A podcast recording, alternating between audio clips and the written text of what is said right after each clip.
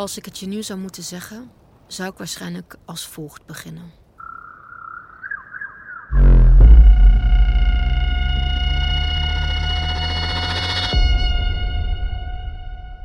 Ik had je maar één keer gezien, heel even. Ik weet het nog precies. Want iedereen staarde altijd naar me. Het Duitse meisje in Japan. Maar jij. Jij keek anders. Het was drie maanden voor de kernbom viel en Nagasaki werd verwoest. De stad was kalm. Er werd noest gewerkt. Cicaden chipten. Het was 1 mei 1945, vlakbij de kathedraal van Uramachi. De Bayadier sloeg op de klokken. Bam!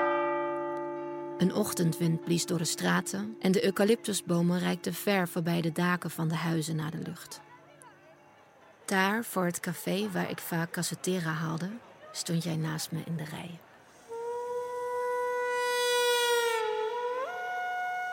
Jij dronk voor.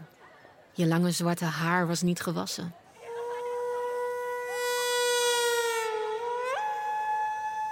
Ik rook je zweet.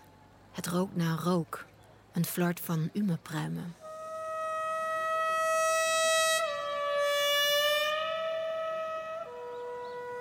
Je zweet rook als een leven dat ik niet geleefd had. Je huid was licht. Ik dacht aan hoe de Hindes, rennend langs de Kofukuchi-tempel, tegelijkertijd verstild en grillig waren. Zo was jij ook. Jij glipte door de rij en ik kon enkel naar je staren. Je volgroeide lijf. Je kon niet veel ouder dan ik zijn. Zou mijn lichaam ooit op dat van jou lijken? Ja, iemand riep je. Een vriendin. Ze kwam voorzichtig naast je staan. Ik was jaloers op haar, dat ze je kende. En ik proefde één voor één de letters van je naam voor in mijn mond. Cleo. Cleo. Cleo.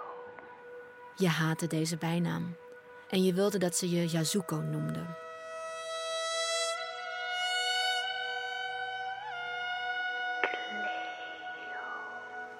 Het was gewoon een naam. Yazuko. Cleo paste beter bij je. Als Cleopatra was je. Zo leek het haast. Je had een gele jas die ik zou willen dragen. Zwarte ogen die als kooltjes en een hart waren. Lange zwarte haren die ik met mijn vingers aan had willen raken. En er zat een vuur in je blik. Ik moest aan leeuwerikken denken.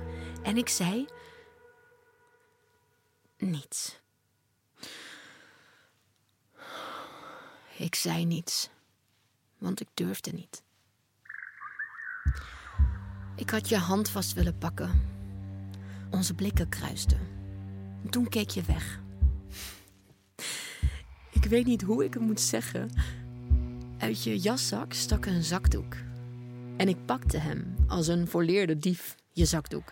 En ik stopte hem vlug in mijn zak. Ik beefde. Maar je had niets gezien.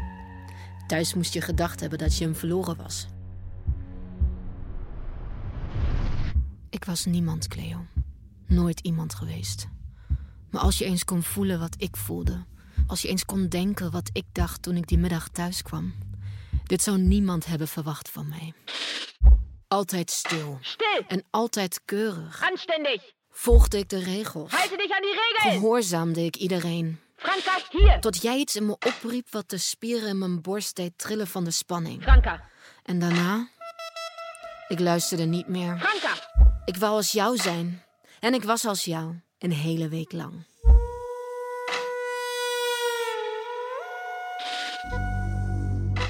Maar toen was plots de oorlog in Europa afgelopen. We hoorden hoe de Duitsers zich een ongenade overgaven. En omdat mijn vader diplomaat was voor het Duitse Rijk, werd ons gezin beschouwd als vijand van Japan. Plotseling waren wij verraders, uit het niets. Wij, die altijd volgden. We werden nog diezelfde dag in een strafkamp opgesloten. Mijn vader en mijn broertje Dieter en ik. Samen in een strafkamp in het hart van Nagasaki. Ik was nu gevangene. Mijn enkels in de modder en een hek dat me van vrijheid scheidde. En van jou. Bewakers sloegen ons en schreeuwden naar ons. En ik was weer niemand. En ik was weer niets. Chine. Niets. Ik dacht aan mijn moeder. Mama? Franka? Mama was toen al gestorven. Dat gebeurde twee jaar eerder toen we nog in Tokio woonden, naast de oude kamferbomen.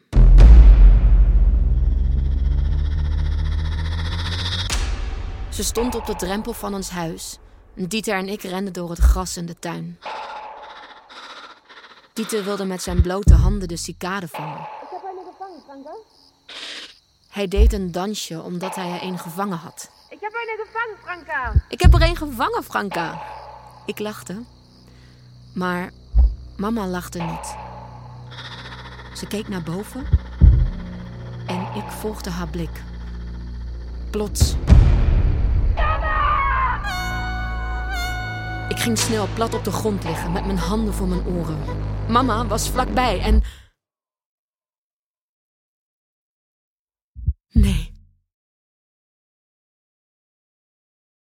Mama? Niet jij. We vingen cicade met onze blote handen. En Dieter riep. Schau, Hij riep naar ons, want hij had eindelijk. Kijk, ich habe eine gefangen. ik heb er een gevangen. Franka? Franka?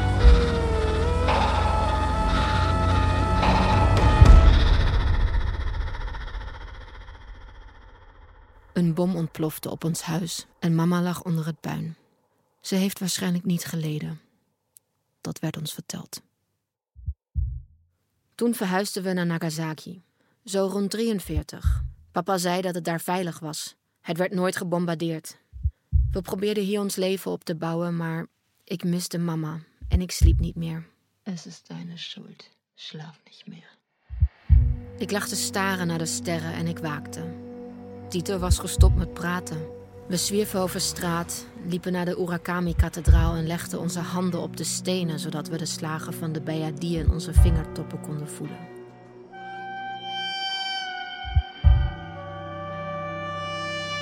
Het trilde tot in onze botten, onze harten en we lachten.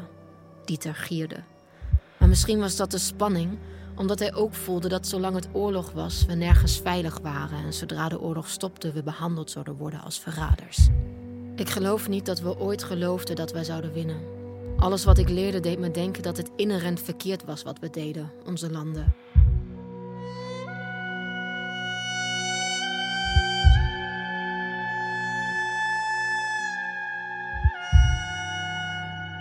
Als ik dat aan papa zei, zei hij, Du verstehst den Krieg nicht. dus dan knikte ik. En zweeg. En week na week, na maand na maand, na jaren was het hier in Nagasaki rustig. Tot die dag in mei. Eén week nadat ik jou gezien had, Cleo. En de radio een stem uitzond. Heute, 8. Mai 1945. Der Krieg in Europa ist vorbei. Deutschland hat kapituliert. Nun herrscht nur noch Krieg im Osten, wo Japan Het was zoals verwacht. Elke Duitse in Japan was nu verdacht. Ze kwamen ons een uniform ophalen en we werden opgesloten in een strafkamp samen met de Engelsen en Hollanders die er al zaten. Wachten tot Japan ook werd verslagen, want daar twijfelde daar binnen niemand aan. Drie maanden zat ik daar, in modder, regen en vernedering tussen de mensen die me haten, die me sloegen, uitscholden, bespuugden, wakker hielden. Niemand was ik. Niets, niets had ik nog. Niets dan je zakdoek. Ik had je maar één keer gezien. Zo gek. Jij was alles waar ik aan kon denken al die tijd. En 's ochtends, 9 augustus 1945, de dag waarop de wereld tellenlang haar adem inhield, zwijgen de cicade plots.